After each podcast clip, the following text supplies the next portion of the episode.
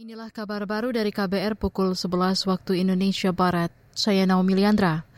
Menteri Pariwisata dan Ekonomi Kreatif Sandiaga Uno melaporkan keberhasilan kinerja Papua Youth Creative Hub Pitch kepada Presiden Joko Widodo. Menurut Sandiaga, sejak diresmikan tiga bulan lalu, Pitch sudah mampu membangkitkan ekonomi Papua melalui berbagai kegiatan ekspo, pameran, dan lainnya. Sejak diresmikan Pitch, banyak event-event kreatif yang hadir. Papua Kopi Expo, 6.000 pengunjung, 4 hari kegiatan expo, launching, dan total pendapatan selama 3 bulan bisa di atas 2,6 miliar rupiah. Pitch Designers yang telah membuat 94 kostum akan tampil nanti. Salah satu kostum yang dirancang oleh Pitch Designer adalah yang saya pakai Bapak Presiden. Ini adalah karya Pitch Designer, lengkap ada warna hijau, walaupun masih sedikit Bapak. Menparekraf Sandiaga Uno menambahkan anak-anak muda di Pitch sudah bisa merakit laptop dan ponsel. Bahkan hingga kini sudah laku terjual 215 unit. Begitu juga pencetakan digital Pitch yang sudah mampu memenuhi pesanan dalam jumlah besar. Sementara itu Presiden Joko Widodo didampingi Menparekraf Sandiaga Uno hari ini meresmikan pembukaan Papua Street Carnival. Acara digelar di area kantor Gubernur Papua di Jayapura. Papua Street Carnival ini juga menjadi bagian dari kerja gercep atau gerak cepat pitch.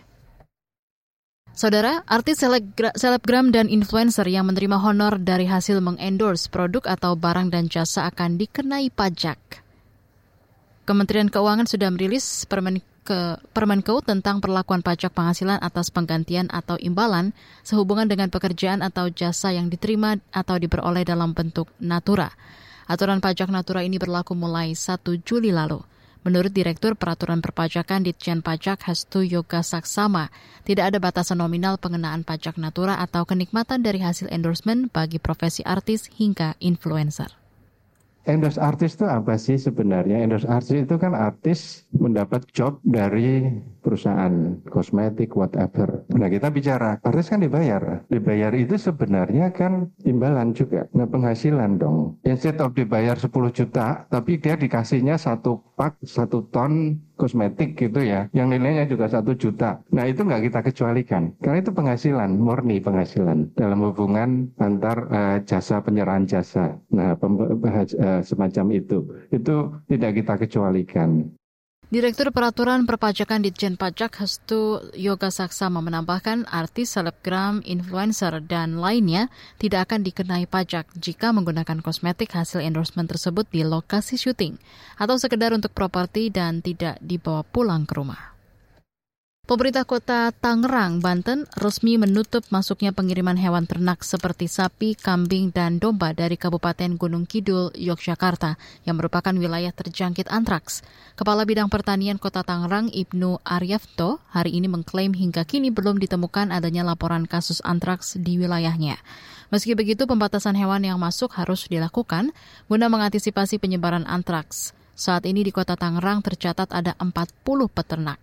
Ibnu mengingatkan para peternak bila menemukan hewan ternak yang mati mendadak dan mengeluarkan darah dari mata, hidung, mulut, dan anus agar segera menghubungi Dinas Ketahanan Pangan DKP Kota Tangerang.